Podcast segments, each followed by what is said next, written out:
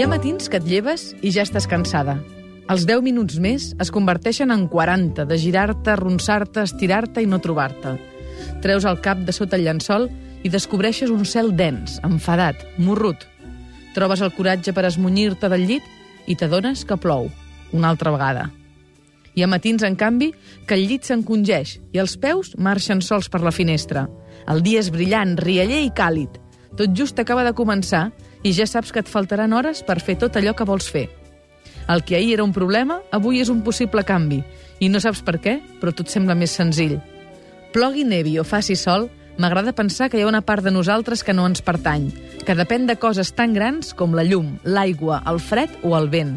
Em recorda que, malgrat tot, malgrat l'asfalt, els gratacels i internet, encara som una mica part del món, tal com es va inventar.